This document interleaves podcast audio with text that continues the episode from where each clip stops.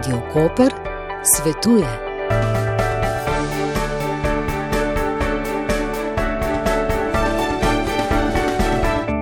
Pri dolgotrajnih obremenitvah, kot so ponavljajoči se gibi, dolgotrajna prisilna drža telesa, uporaba sile in točkovni pritiski na telo, se manjše poškodbe kopičijo in lahko privedejo do trajnih okvar kostno-mišičnega sistema. Verjetnost bolniške odsotnosti in slabšega počutja znatno povečajo tudi psihosocialni dejavniki tveganja na delu, ki povzročajo stres in z njim povezane težave. Z ustreznimi ukrepi lahko pomembno zmanjšamo dejavnike tveganja. Doktorica Tiziana Prion z Nacionalnega inštituta za javno zdravje je pojasnila, kakšno je stanje pri nas. Kostno-mišično bolenje so že desetletja in desetletja glavni vzrok zdravstvenega absentizma, kaj je še pa najbolj pomembno, tako imenovanega dolgotrajnega zdravstvenega absentizma, ki traja več kot eno leto.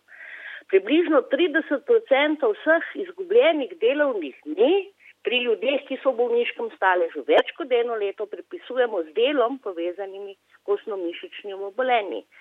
Kaj je pa še huje, da lahko povzročajo tudi trajno invalidnost in seveda tudi zgodnje upokojevanje delavcev. In seveda zaradi teh težav imamo velike tudi gospodarske, socialno-ekonomske in družbene posledice. Seveda, posamezniki so tisti, ki najbolj trpijo za kostno-misično obolenje, se izgubljajo zdravje, zraven tega izgubljajo tudi sposobnost za delo in seveda tudi socialno varnost. Poglejte, kaj so naša analiza pokazala. Da se bolniški stalež, ki je dober, izredno dober pokazatelj zdravstvenega stanja eh, delavcev oziroma delovne aktivne populacije, v zadnjih letih izredno povečuje povečuje se tudi poprečno trajanje oziroma podaljšuje se poprečno trajanje ene bolniške odsotnosti. Če pogledamo v primerjavi z letom 2015, eh, je v letu 2019 procent bolniškega staleža oziroma število izgubljenih dni zaradi kostno-mišičnih obolenj se povečal za 43 odstotkov, kar je zelo zaskrbljujoč podatek. Kaj je še vpliva na tako osnomišično bolenje? Seveda delo, slabo ergonomski pogoji dela, slaba skrb vsakega posameznika za lastno zdravje, seveda v kombinaciji z nezdravim življenjskim slogom in seveda z kombinaciji s tako imenovanimi psihosocialnimi tveganji, ki so tudi velik, velik problem zdravja. Eno z drugim pride, ne? Ponovadi, ko se začne ena težava in eh, ne ukrepamo pravilno, eh, pogosto, če govorimo o delu, tudi eh, ne moremo, nam ni omogočeno. Vemo, da je velik delež tudi tisti, ki hodijo recimo bolni v službo.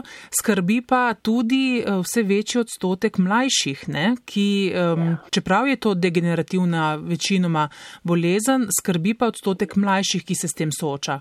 Ja, poglejte, pred leti ne, smo mi govorili oziroma povezovali kostno-mišično bolenje oziroma okvare lokomotornega sistema z težkim fizičnim delom. Danes je pa vse več in več dokazal, da so kostno-mišična obolenja povezana s tako imenovano sedentarnostjo, sedečim načinom dela in sedečim načinom preživljanja tudi prostega časa. Seveda je pa pritisk, to so v bistvu ta imenovana psihosocialna tveganja, seveda najpogostejše psihosocialno tveganje je z delom povezan, stres, zelo vplivajo na razvoj teh navedenih obolenj. In tudi teh je vse več, to vemo, eh, in pridemo do enega začaranega kroga. Ne? Torej, eno pripelje do drugega in to spet potem se obrača. Na delovnih mestih imamo že primire dobrih praks, seveda v Sloveniji, na različnih področjih dela. Jaz nekako vedno eh, rečem, je že res, da imamo pravilnike, ki to tudi določajo, da je ta skrb pomembna pa vseeno poudarjam vedno, da je tudi dober dialog, ne, recimo s podrejenimi oziroma med vodilnimi in podrejenimi, eh, dobra osnova, da se podjetje oblikuje v eno tako zgledno podjetje tudi eh, za kaj takega. Kaj menite? Ja, seveda, pogledajte, mi imamo zakonsko podlago, ki izhaja iz Evropske direktive. To je zakon o varnosti in zdravju pri delu. In zakon določa, da vsak delodajalec mora poskrbeti za varnost in zdravje pri delu ter mora adekvatno organizirati tudi tako imenovano promocijo zdravja na delovnem mestu. In vsa podjetja, ki imajo zelo dobro organizirano no, promocijo zdravja na delovnem mestu, ko ste vi navedli prej dobre prakse, imajo tudi bistveno boljše kazalnike zdravja delavcev. Mi vemo, da so kazalniki negativnega zdravja povezani z zdravstvenim absentizmom, kot ste sama povedala, s prezentizmom, to pomeni, ljudje hodijo v službo tudi, ko so bolni, ker se pač bojijo določenih represivnih ukrepov. Ne. Veliko negativni kazalnik je tudi fluktuacija, to pomeni, da ljudje bežijo iz določenih firm, Pojavljajo se seveda poškodbe in z delom povezane bolezni, pa seveda tudi zgorelost in agresivnost na delovnem mestu, ker je tudi pomemben dejavnik tveganja za razvoj kostno-mesičnih obolenj, predvsem pa psihosocialnih tveganj kako bi pozvali naše poslušalce in poslušalke, med njimi so tudi delodajalci. Za recimo zaposlene bi rekla, da je eh, ta eh, pozitiven pristop k temu v podjetju morda le ena dobra istočnica. Seveda vsega tega se moramo držati v zasebnem življenju. Ne kot ste povedali, moramo spraviti tudi naše življenje v pogon. Pa vendarle morda eno sporočilo delodajalcem, kako resno naj vzamejo ta opozorila, podatke in seveda zakonodajo. Seveda, pomoč delovcem in delodajalcem smo ravno mi ponudili. Namreč Nacionalni inštitut za javno zdravje v sodelovanju s fakulteto za vede v zdravju Univerze na Primorskem smo v okviru projekta promocije aktivnosti za preprečevanje kosno-misičnih obolenj in psihosocialnih tveganj opravili oziroma izdelali prvič analize, ki kažejo na to stanje, ki so tudi pomoč delodajalcem, kako lahko usmirjeno, ne, v povezavi same, vsakega posameznika z delom, ki ga upravlja, lahko načrtujejo preventivne ukrepe, da preprečimo oziroma saj zaustavimo razvoj teh tveganj oziroma obolenj. Izdelali smo pa tudi tako imenovano spletno interaktivno orodje, ki ponuja rešitve za napredujoče zdravstvene tveganja. In prav v to orodje in ta priročnik bomo pogledali skupaj z našo naslednjo sogovornico. Najlepša hvala vam. Uh, upam, da bomo vseeno čez nekaj časa lahko že poročali o bolj pozitivnih trendih. Ne? Ja, hvala lepa tudi vam za povabilo in lep dan še naprej. Radio Koper svetuje. Specifični cilji projekta za zmanjšanje kostno-misičnih obolenj in psihosocialnih tveganj pri delu ali krajše PKMO so usmerjeni v ozaveščanje delavcev, delodajalcev, strokovne javnosti in drugih. Spletna stran je na nek način interaktivna in sestavljena iz dveh delov.